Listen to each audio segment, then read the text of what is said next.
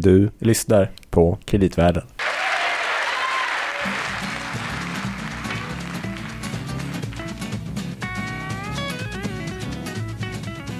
Við göngum svo léttir í lundu Því lífsgleðin blasir oss við Við lífum á líðandi stundu Ja du Louis, det här är inte det vanliga man hör i kreditvärlden eller? Nej, nu är det högt tempo alltså. Ja, Oj, oj, oj. jag tänker det.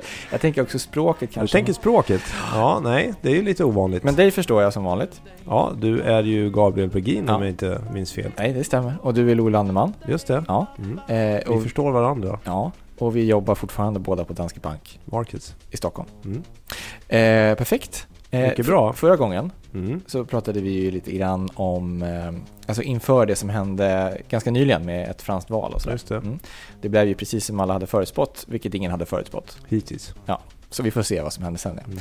Mm. Eh, men alltså vi pratar om allt det här och Europa och franska val och så här. Det har ju, här rör ju från eurokrisen, eller hur? Ja, precis. Och vi har ju pratat om bland annat Grekland och eh, Club Med har vi ju tagit upp på tapeten. Men jag är ju så otroligt nöjd idag för att länge har vi ju pratat och tänkt om att vi borde göra någonting kring Island Mm.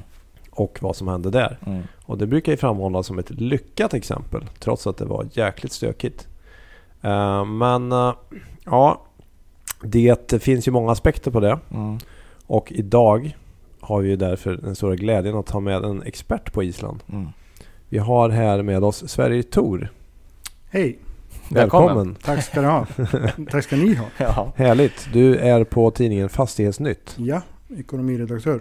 Just det. Men du kommer från Island. Jag kommer från Island, har bott i, på Island stora delar av mitt liv fortfarande. Mm. När flyttade du till Sverige? Senaste vevan flyttade jag 2008. Mm. Två månader innan de där laddade orden Gud välsigne Island då, som statsminister Geir Horde uttalade. Men eh, för att du sa, vi pratade om det tidigare, du var ju bland annat journalist på Island Mm. under upp, ja, under, Från 2004 till 2008. Med en väldigt kort session i en bank också. Men det pratar vi inte om, då talar vi bara golf. det är det man gör på banken, jo, jag vet. vissa. Just det. Ehm, så att det låter som att, eller jag vet att det här är, du har en perfekt bakgrund för att kunna reda ut Mm. många aspekter på den här jag. dramatiska, den isländska sagan. Ja, men man kan säga att det finns både så att säga, primärdata och sekundärdata på den isländska krisen i det här rummet. Mm. Så förutsättningarna är goda. Mm. Eh, men vi måste börja någonstans. Vi brukar ju börja från, Från- början Louis. Ja, vi går inte, vi går inte tillbaks till uh, Islands uh, födelse som nation. Kanske inte Nej. riktigt. Men jag tänkte, apropå den isländska ekonomin. Den har väl historiskt alltid varit ganska volatil, har den inte det eller? Jo, och det ligger väl i sakens natur när du har en, en befolkning på 300 000 personer. Vilket det är nu, det var ju 250 när jag var liten. Mm. var ju den officiella siffran. Eh, Du har en råvarubaserad ekonomi Mm. som är helt beroende av om fisken simmar söderut eller norrut. Mm. Ja, om det finns fisk. Om det, om det finns fisk. Mm. Du har en befolkning som är väldigt sådär... Vad ska man säga? Jag brukar säga att islänningar har, har nog, är nog den befolk, det folk i världen som har lidit mest, lider av mest storhetsvansinne. Vad beror det på? Vad... Nej, men jag vet inte vad det beror på. Men det beror, alltså vi, är ju såna, vi jämför inte oss med Färöarna eller Luxemburg eller, eller Malta eller de här småländerna. Utan vi jämför oss med Storbritannien och Tyskland. Mm. Mm. Det är väl därför vi är bäst i världen på fotboll till exempel. Ja. Mm. Och vi brukar alltid liksom jämföra oss med andra och sen säger vi att i per capita-termer är vi bäst. Vi har till exempel världens högsta berg per capita. Här borde jag börja använda lite mera. Ja, Mm. Kanske. Det beror på om det gynnar den här. Men, eh, för du sa ju tidigare att dina föräldrar faktiskt flyttade till Sverige på grund av, det var ju en, inte lika dramatisk kris då, men det var under 80-talet som det var. Ja, slutet på Det är tufft. 80-talet. Eh, i, alltså hela 80-talet och 70-talet var ju en, en period med väldigt hög inflation. Delvis importerad. Mm. Men, men, och den, nu är det frågan om vad som är hönan och ägget där. Men, Mm. men inflationen ledde ju till en sån växelverkan mellan lön och lån. Mm. Och 1979 då bestämmer sig statsminister som hette Olav Johannesson Som han bland annat sjöng om då, en låt som heter Mm. Only You, fast man sjöng Olio istället. Okej. Han bestämde... Och han, på sen. Ja. Ja, precis. Hans regering bestämde liksom att införa en indexering av både lön och lån. Mhm. Så att, Som delvis finns lag, kvar alltså. fortfarande. Den här Ja. lånindexeringen. precis, låneindexeringen finns kvar. För 1983 insåg man att då låg in- inflationen på 100%. Och när lönen steg med 100% per liksom, definition på grund av indexeringen, då, då var det ingen vits. Du liksom bara, du i princip lagstadgade inflationen. Mm. Då tog man bort den på, på lönen. Och den blev kvar på lånen och den finns kvar fortfarande. Så man Vilket- skriver upp lånen med vad? Med inflationen. Du Mm. indexerar till inflation. Alltså till KPI typ. KPI. Ja. Mm. Man gjorde en, en egen låne, låne, låneindex på den tiden. Men det är, nu idag är det KPI. Och har du indexerade annuitetslån. Då innebär det att du betalar alltid samma i- per- per månad. Men lånet liksom fortsätter ju ticka. Mm. Bra för bankerna då. jättebra. Det finns inget incitament för bankerna att någonsin göra någonting liksom som centralbanken beordrar inom Mm. citationstecken. Mm. Ja, du behöver inte Genom ragga nya kunder liksom. Du kan bara skaffa sig en kritisk massa och sen... Ja. Och bara se till att du har större eh, indexerade tillgångar än vad du har skulder. Då, Mm. då, liksom, Mm. då lever du Ja, gott för liv. bankernas skulder indexeras inte upp till exempel. Eh, jo, en del av dem. Okej. Alltså det som är alltså, insättningar är indexerade. Mm, okej. Men bara att du har mer liksom, indexerade tillgångar, alltså utlån. Mm. Då tjänar du pengar på den här Just det. Men, men på, den, på den här tiden då, för att eh, komma över lite grann till det här med bankerna. På den tiden var de här eh, tre bankerna som sen skulle växa så mycket, de var väl statliga allihop? Ja, eh, det började med kan man säga 1989 har jag för mig. Då slog man ihop fyra banker som var privata eh, till Islandsbanki. Den var Okej. inte statlig, den var aldrig varit statlig. Nej, okej. Mhm. Sen skapade Islandsbanken tillsammans med staten någonting som heter FBA. FBA slogs ihop med Islandsbanken, förlåt, Mm. 1999 eller 2000. Det var där den här Bjarni Ármannsson kom in i bilden som var ju en av förgrundsfigurerna i, i expansionen sen. Okej. Mm. Och vad var FPA bara? Det var... Det var eh, Fjärrfästingebank i Atvinnlivet, det betyder näringslivets investeringsbank. Okej. Så det skulle ju vara en, en, en inkubator egentligen från början. Men det som händer sen är ju att om vi, om vi går upp direkt in på det här Mm, mm. till, till pudelns kärna så att säga. Det är ju att det blåser extremt liberala vindar på Island Mm. från och med 1991. Då den här David Oddsson som sedermera blev centralbankschef Mhm. blev statsminister. Och bit för bit så, så avreglerade han stora delar av ekonomin. Ja, Man betalade av skulder, vilket är en viktig faktor sen när det Mm. kommer till krisen. den staten skulle med Ja, statens skulder. Och, och man gjorde ju liksom allt enligt, enligt läroboken så att säga. mm. Mm. Och Milton Friedman hade varit nöjd. Milton Friedman var nöjd. Mm. Och han kom till och med till Island och, och, och sa det också. Mm. Hayek hade varit ännu nöjdare tror jag. ja. Och men det som sen händer eh, kring 2000 är att man, först släpper man kronan Mm. så att den flyter. ja. Man bestämmer sig för att halvera den här reserv- bankreserverna, alltså reservplikten. Mm. Mm. Så att Man ifrån lättar fyra, upp på kapitalkraven kan man säga. precis, från bankerna. 4% till 2%. Mhm. Och de som kan sin keynesianska penningmultiplikator vet att det innebär en fördubbling av penningmängden. Så nu blir det tillväxt här.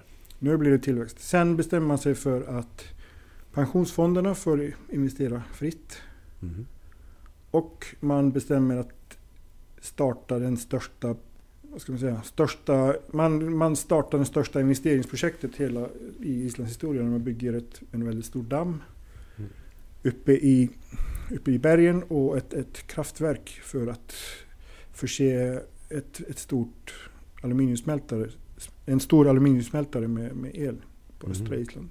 Mm. Det blir ju någonting av en perfekt storm där. Mm. Både expansiv penning och finanspolitik på något sätt Precis, samtidigt. precis. Men sen börjar ju bankerna växa utomlands också. Men det kanske inte är direkt då eller? Nej, det hände lite efteråt. Mm. Eh, 2002 Mm. köper Coop Think köper Aragorn och JP Nordiska. Just det. Sen köper de Singer och, Singer och Friedlander 2003, 2004. Eh, Islands banker köpte ju banker i, i Norge och blev Mm. Glitnir. Just det.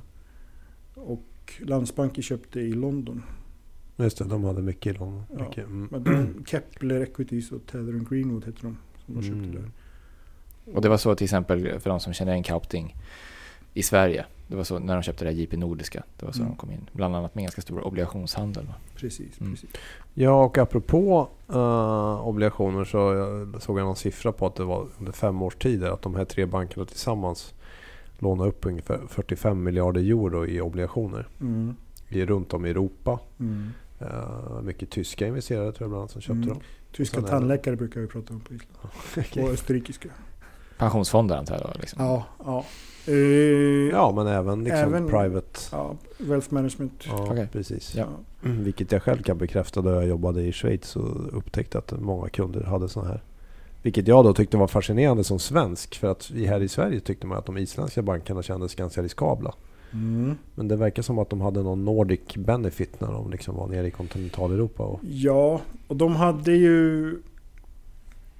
Som alla banker hade väl på den tiden i princip att de var too big to fail. mm. Alltså man, det var ju ingen som trodde att staten skulle låta bankerna... ja, det var ingen som funderade på hur stora bankerna hade blivit i förhållande till staten. Nej. Eller det kom senare kanske. Precis, och bankerna var ju betydligt större än, än vad statens BNP var eller liksom Mm.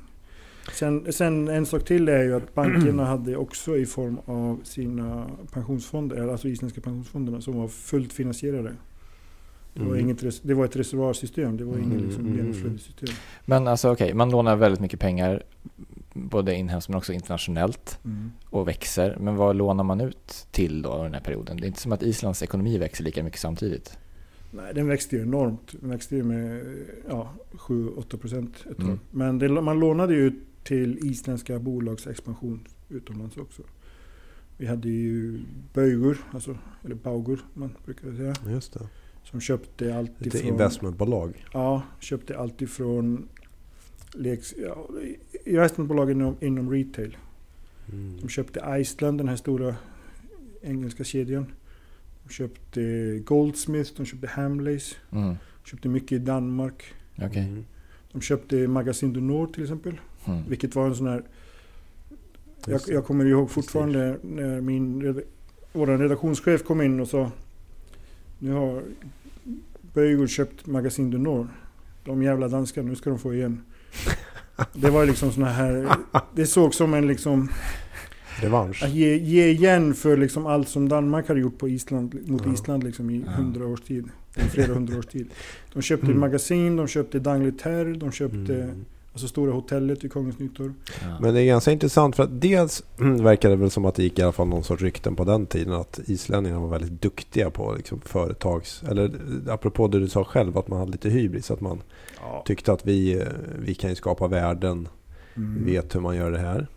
Men sen den andra grejen som man slås av, men det är såklart lätt att säga i efterhand, det är ju att det var väldigt löst reglerat och att det var alltså den här kredittillväxten. Om man tittar på den i efterhand, vi hittar någon siffra där att det var mellan alltså typ 40-60% per år växte ju banken och det tror jag var domestikt Ja. med utlåningen och då tänker man det, det borde inte gå att ha bra kvalitet på de lånen om man växer så snabbt. Inte bara domestikt kanske, men de köpte ju som sagt lite banker i Mm. Norge och... Ja men det här tror jag var exklusive ja, den okej, tillväxten. okej. Eh, eh, Men de växte enormt mycket och det Mm. var... och Det fanns ju oändligt med pengar. Mm. Dels så kom det liksom den här expansiva effekten av det här stora byggprojektet. Men att det fanns... Man fördubblade penningmängden i bankerna genom att... Mm. Och, och sen fanns det ju då... Man kunde låna pengar på, på, på wholesale-marknaden, vilket man inte kunde innan. Mm. Är ju, Men sen verkar det också, men det här är väl någonting som kanske har kommit fram i efterhand, att mycket av de här lånen man gav, att det var ganska mycket sådana man kallar för bullet loans, att de var amorteringsfria, Mm. vilket innebar att många av de här bolagen som lånade kunde liksom själva växa och lösa sina gamla lån med nya lån. Mm. Så att det blev i, nästan som ett sorts eh, så här ponzi scheme. men Liksom Ja, att ja. eh, det rullade, så länge man fick ett nytt lån som var större Mm. så, så rullade det på. Och det, och det hängde ihop med att bankerna kunde ju då, eftersom de kunde låna mycket pengar utomlands, så kunde de hitta nytt kapital väldigt länge i alla fall. Mm, absolut. Eller hur? absolut. Tills det ströps. Tills Liman Ja. föll. Då var ju liksom, fast innan Liman var ju... Ja men jag tänkte för att vi hade ju, innan vi kommer till dit, för jag tänkte där, det kom ju någon eller kanske flera varningstecken, men 2006 där Mm.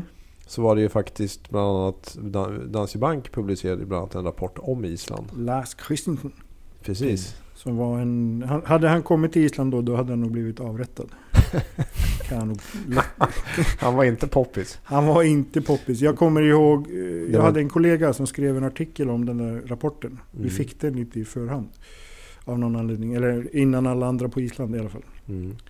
Och, och sen eh, blev han uppe, vi stod i, i min kompis rökte då. Och vi var där och snackade i rökrummet Mm. på jobbet. Då ring, blev han uppringd av Reidar Marseusson som var VD för Kaupthing. Mm. Jag kommer fortfarande ihåg att jag hörde liksom skriken. Min kompis Gisli hade telefonen i höger hand och jag stod på vänster sida. Jag hörde skriken genom örat. Det Han, men den här personen hade bara refererat. Ja, ja. Han hade inte Men- själv men- skrivit den rapporten. Nej, men liksom att det här var liksom att han blev en marionett i, i utländska bankers. Och att han dessutom kom från Danmark, det gjorde inte någonting Nej, bättre. det var, det var ännu Mm. värre. Mm. Men så att, för vad som hände här var att istället för att ta till sig kanske en del av de här varningstecknen så var det som att då slöt man sig ännu tätare samman då på något vis. Även. Det gjorde, man tog väl till sig en del, skulle jag tro. Eller skulle jag säga. Mm. Eh, däremot så, så var man ju för... Det är ju risken när man börjar med sådana här grejer att det är väldigt svårt att avveckla det. Ja. Det är i princip omöjligt skulle jag... ja, du behöver ju nya pengar för att det ska Ja. kunna rulla på så att Ja, säga. precis. Och man fick... Dels så var Bjarni Armansson då, som vi nämnde tidigare, som var VD för, för Glittning på den tiden, Mm. som det hette då. Han var ju ute... Ja, det heter Glittning då. Eh, han var ute och...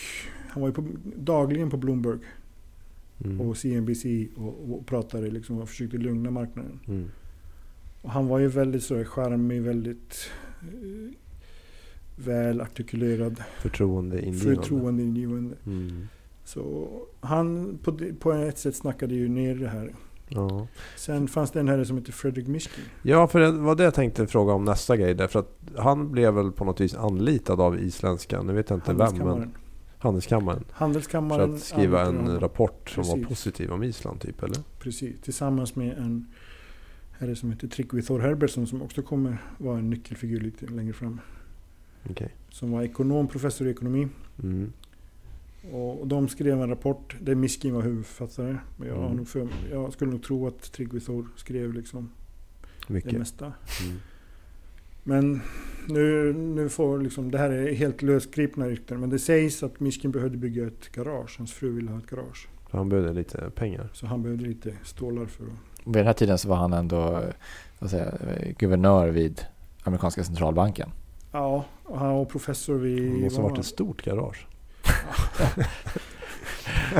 Ja, det är inte alltid detsamma att ha, ha mycket pengar. Och, eller ha hög lön och ha mycket pengar. Ja. Han kanske tyckte att Island var lite lagom långt bort. Men det finns ju det här, det, det är väl en film, den här Inside Job. Mm. Eller? Ja, det, Där är han ju... Ja. Ska vi lyssna någonting på det Gabriel? Det kan vi göra. 2006, you co authored a study of Iceland's financial Right. system. Right. Iceland is also an advanced country with excellent institutions, low corruption, rule of law. The economy has already adjusted to financial liberalization, while prudential regulation supervision is generally quite strong. Yeah, and that was the mistake. That turns out that uh, that the prudential regulation and supervision was not strong in Iceland, and particularly So, what during led you period. to think that it was? I think that uh, you're going with the information you had, and, and generally uh, the view was that that uh, that Iceland had very good institutions. It was a very advanced country. Who and they told were you not- that? Who did, what kind of Well, research did you do? You talk to people. You have faith in in uh, the central bank, which actually did fall down on the job. Uh, that uh, clearly, it, this. Uh, Why do you have faith in a central bank? Well, that faith you, you because you go with the information you have. How much were you paid to write it? I was paid. Uh, I think the number was. Uh, it's public information. Ja, han fick ju då, konstatera dokumentären sen, 124 000 dollar. Och ett Ja. stort garage. Ja, ett stort garage. Mm. Men det är ju intressant också för det belyser ju också vikten och också hur sånt här kan komma till. Eh, ja. Förtroende. Ja. För att den rapporten på den tiden minns jag att den liksom cirkulerade ju ganska mycket och hjälpte säkert till att bevara förtroendet Absolut, på absolut. den tiden så att säga. Och jag skulle vilja säga, till och med i efterhand, att Mishkin hade ju inte fel på många punkter. Alltså Island var ju en Mm. avancerad ekonomi. Island var en ekonomi med låg korruption. Det var alltså hög utbildningsnivå. Mm. Och jag skulle nästan också vilja säga att alltså FME, eh, alltså Finansinspektionen, de, problemet var väl det att de blev inte liksom hörda. Nej, De gjorde liksom, de försökte. De var inte så många i förhållande till de som jobbade på bankerna heller. Nej, förvisso, och de, de som var liksom, vad ska man säga, bra medialt och så där, de blev ju upplockade av bankerna. Mm. Alltså man sög ju upp all arbetskraft, alla, alla ingenjörer, alla ekonomer jobbade i bank. Det var bara såna här, Mm. någon handfull som jobbade liksom utanför banksystemet. Mm. Ja, det var liksom svårt att konkurrera där. Ja, och så... Och jag har fortfarande, vi kan, vi kan prata om det lite senare, men jag har fortfarande så ibland lite svårt att tro att man gjorde det här av illvilja. Nej, men det är väl eh, det är lätt att ryckas med. Ja, Kan man precis, tänka sig. Precis. Och, och jag tror att man var mer naiv än, än, liksom, Mm. än ond. Ja. Men apropå naiv då, uh, ratinginstituten. Ja, de var Det, naiva. jag höll på att säga att det var nästan värre än det här med Mishkin, men det kanske inte var. Men eh, jag bara hittade så här eh, i... eh, jag satt och kollade lite runt och hittade en eh, artikel från januari 2008 då. Det är ju inte så länge innan allt kraschar. Mm, Och mm. där har Moody's en rapport. Och då är det ju igång, liksom. då är ju kraschen redan igång. Eh, ja, det har ju kommit exakt subprime och allting Ja. och ja, så vidare. Och den, rubriken på den rapporten det är om staten Island. Islands AAA ratings are at a crossroads. Hmm. Ja, Vi får se helt enkelt, se. eller? Mm. ja. Å ena sidan. Å andra, andra sidan. sidan. Ja. Men, mm, så det är ju staten. Men okej, på sätt och vis kan man säga så här. Staten och Key, eh, de har ju i sig låg skuldsättning och så vidare. Mm. Samtidigt om man ser att bankerna har en storlek som är liksom 10 gånger BNP eller någonting i den stilen. Mm. Och det mest märkliga som gjordes var väl framförallt det här Moody's. Då, det här är ju då i början på 2007 när de har en ny metodologi för att rita banker. Och lyckas få de isländska banken till AAA, Mm. sitt högsta betyg. Mm. Därför att man an- ser dem som att ja, man likställer dem med staten. Så någonstans så glömmer man bort ja, men hur stora är de i förhållande till staten. Kan den här staten verkligen rädda dem även om Mm. de vill? Det var ju en kritik även mot Moody's behandling av andra banker i andra länder för Ja. den delen. Ja, det blev ju, den där hela grejen blev en total katastrof. Mm. För de ändrade väl ratingen efter några månader. Men alltså att man överhuvudtaget kan lyckas göra en sån analys är ju helt häpnadsväckande måste man ju säga. Mm. Faktiskt. Så det var ju, ja. Ja. så det, och det är ju också då ändå aktörer som är utanför Island. Som Ja. borde kanske kunna se lite nyktrare på det kan man ju tycka. Man, man ser ju inte många i eget öga, men, men, men gästen borde ju ha lite bättre syn. Men, Mm. men det finns ju, man kan ju ta, vi kan ju ägna flera dagar åt att snacka ratinginstitut. Mm. Ja, ska vi göra det? Speciellt som de var innan det här. Men, men det fanns ju en, en, Ratingpodden. en intressekonflikt såklart. Vilket också, om man, men om man tar istället och pratar isländska revisorer. Mm. Som inte var ju lågutbildade revisorer, utan de var ju bra. Alltså, eller bra, hade bra utbildning. Men Mm. de såg ju ingenting fel heller. Om man, om man tar de här stresstesterna som, bank, som gjordes av Alltså europeiska stresstester som gjordes i augusti 2008. Mm. Så ser jag att de isländska bankerna är väl rustade att klara en chock. Mm. Det var, de glömde med att, och det hade de liksom, de hade jättebra tier 1 Mm. andelar. Eller, Alltså kapitaltäckningsgrader. Ja, Mm. men de hade inga pengar. De hade ingen likviditet. Nej. Nej. och det är ju problemet. Mm. Ja, Problemet är också i alla sådana här sammanhang och även vad gäller Moody's bara. Det är ju antagandena som går in i ens analys. är avgörande för vilken slutsats man drar. Precis. Så att om ingen räknade med att det skulle till exempel bli en likviditetskris då, Mm. ja, då ser det bra ut.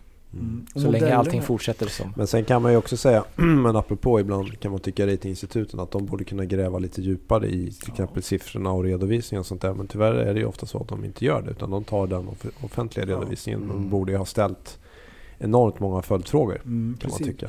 Jag kommer ihåg att jag skrev en artikel om, om någon sån här rating som kom, om det var 2006 eller 2008, jag kommer inte ihåg år, och vilket år det var. Men jag var ju då ekonomijournalist såklart. Mm, mm. Och då liksom utgick jag från det att, att de hade gjort sitt jobb. Och skrev till och med att man, man borde kunna lita på de här gubbarna och gummorna. För att de borde ju vända på varje sten. Mm. Det lig- ligger ju i deras intresse. Ja, Men det Verkligen. gjorde det verkligen inte, nej. verkar det som. Nej. Ja, men sen då. Och det var väl då gradvis som det hände. Tänkte under 2007 och 2008 så var det ju så att det, det blev ju allt eftersom subprime-krisen så att säga från USA spred sig mer och mer så blir ju likviditeten mer tight. Mm. Och man började även notera då att de här ah, CDS, alltså kostnaden för att köpa kreditskydd, Mm. gick ju upp väldigt Mm. kraftigt i Mm. de isländska bankerna. Mm. Vilket gjorde att de började få svårt att finansiera sig på den här så kallade wholesale-marknaden. Eller hur? Precis, precis. Alltså obligationsmarknaden. Ja, obligationsmarknaden. Ja. Precis. Och, och bankmarknaden också. och lite olyckligt kan man tycka då, men det kanske är typiskt att det liksom blir sista ledet eller steget så blir man ju då att man börjar man hitta, vad kan vi då hitta för finansieringskällor? Så då kommer man ju på det här jättesmart att vi kan till exempel, vi har ju verksamhet i England. iSave. Vi kan ha konton för småsparare Mm. och ja, även stora sparare. Ha lite högre ränta på dem. Så Mm. kan vi få in pengar där. Så hittar man en ny finansieringskälla. Problemet är bara att du behöver betala räntan. Det var ju det som hände. Mm. Det fanns inga pengar att betala räntan med. Nej. Men Det- ett tag så går, alltså man kan, man Jo. kan så att säga rulla det vidare ett litet tag till. Men det gör väl i och för sig att när det väl briserar så är ju då effekten, ja, man får ännu större problem så att säga. då. Just den modellen är ju fullständigt beroende på, på trovärdighet Ja, och förtroende. precis. När det försvinner då försvinner ju hela, hela eh, modellen. Alltså, det är ju det som händer. Jag räknade fram det någon gång att de hade ju 6% ränta på de här I- iSave-kontona i England, Mm. eller i Storbritannien, Landsbanki. Mm. De hade 8 miljarder, 8 miljarder pund hade de i insättningar. Mm. Och, så att, och det var 800 miljarder isländska kronor. Mm. Och då, så det innebär att första räntebetalningen skulle bli 48 miljarder isländska kronor. Mm. 4,8 miljarder svenska kronor. Och det är liksom, nu vet jag inte hur svenska banker har det, men det är mycket pengar Ja. även där. Mm. Så en, Så någonstans kommer liksom den här räkenskapens timme kommer närmare och närmare här att Ja, man får det svårare och svårare att, precis. precis, att klara det hela. precis. Jag tror var 15 augusti 2007, då blev jag uppringd av min nyhetschef som frågade om jag kunde befinna mig på Reykjaviks flygplats med mitt pass och en bärbar dator klockan sex morgonen därefter. Mhm. Spännande. Eh, ja, såklart kunde jag det. Var ska, vi, gå- var ska jag åka, sa jag. Nej, det, det vet jag inte. Men vi ska åka med Cape Think, sa han. Och, så jag befinner mig på flygplatsen. Då väntar ett privatjet. Har ni flugit privatjet någon gång? Nej. Nej. Det har jag. Då väntar ett privatjet som ska ta mig och sex andra journalister och Kauptings, eller Kauptings isländsk, islandsbaserade kommunikationschef till Amsterdam, Schiphol. Och där sätter vi oss på Hilton-hotellet och man presenterar det här köpet av NIBC. Och det här är ändå då när det är ganska stökigt på kreditmarknaden. Det här är precis en månad efter att Dow slog i 14 000 och den här subprime-krisen började kan man säga. Ja. Eh, Så det var ju vågat att göra ett förvärv då kan man tycka. det var vågat göra ett för- förvärv, till och med ett litet förvärv. Mm. NIBC var ju två gånger större än Kaupthing Mm, det var stort ja. och den var ju fylld med... Eller hur? Jag tänkte säga att de hade ju mycket strukturerade produkter för mig, Ja. den där banken, eller hur? Den var, Mm. den var fylld liksom så att det spra- höll på att spricka med CDOs. Och amerikanska... Precis vad man vill ha. Precis. Och säljare var den här Christopher Flowers. Mm. Som om ni har sett Too Big To Fail filmen. Var det den som gick in i AIG och skulle ordna allting. Ja, Till slut, okej. och just där hade ju bankerna och Handelskammaren hade slösat, eller ja, det blev ju slöseri då. Så mycket pen- pengar och energi på att liksom återställa Islands rykte. Mishkin-rapporten, Mm. Bjarne Hermansson i varje dag i Bloomberg i två veckor. För att prata om att det här är bra, Mm. på Island är det bra. Då går man ut och köper en bank som är dubbelt så stor precis när liksom hela världen håller på att gå under. Mm. Och står där på, på en scen framför massa press. Det var ju liksom journalister från Bloomberg, från Reuters, från Mm. alla stora nyhetsbyråer.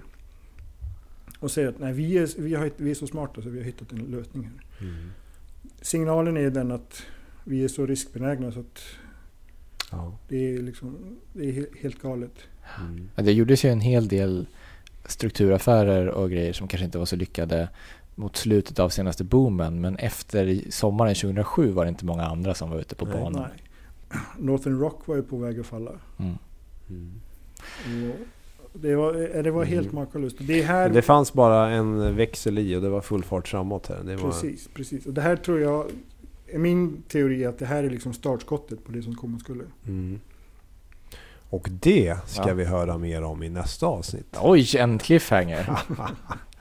Men eh, jag tänkte på det här för att lite grann där det briserar. Kan vi inte lyssna på Jo, vårt det vi gamla favoritklipp? Det kan vi göra. Och nu, har vi, för nu hoppar vi lite ra- raskt här. Mm. För egentligen, år eh, jag tror att vi har målat upp lite grann scenariot. Mm. Och sen vet vi alla, om inte ni vet så kan ni gå tillbaka och lyssna på vårt avsnitt om finanskrisen generellt. Mm. Vi Precis. ligger långt bak Ja, i sidan. Men Mm.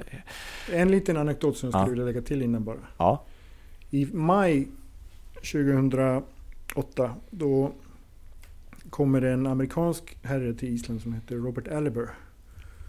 Så han såg lite ut som Amade, har ni sett Amadeus-filmen? Mm. Han Salieri när han var på, på Mm. dårhuset. Han såg ut, ungefär ut sådär. En gammal ärrad veteran kan man säga. En Ni, ni får googla en bild på honom. Ja. Eh, han sa, jag har, han, han snackade som en lite bildmål och pratade om sin, sin resebyrå som hade varit så bra att skicka honom runt världen där det fanns finanskriser. Mhm. Och han säger, jag tror att det är en silent run on the bank redan igång. Och jag tror att det här kommer utspela sig så här. Sen li- liksom tecknar den upp liksom med händerna. Ett, första steg, andra steg. Så här kommer isländska banken att falla och utspela sig. Och det gjorde det på sex månader. Mm. mm. Så han visste ju vad han snackade om. Och det här skrev du om då. Det här skrev jag om och fick ett sånt där liknande samtal Sen, som sen var du tvungen att flytta från Island. Sen, sen hade, jag, hade jag den goda lyckan att få en, en doktorandtjänst i Uppsala. Ja, det var så det var. ja okej. Det är den officiella versionen. Det är den officiella versionen. Precis. Ja, och, här, och det här är då också då den officiella versionen av vad Lehmans VD Dick Fuld Just sa. Mm. Eh, och så att säga... för Famous att, last words. exakt.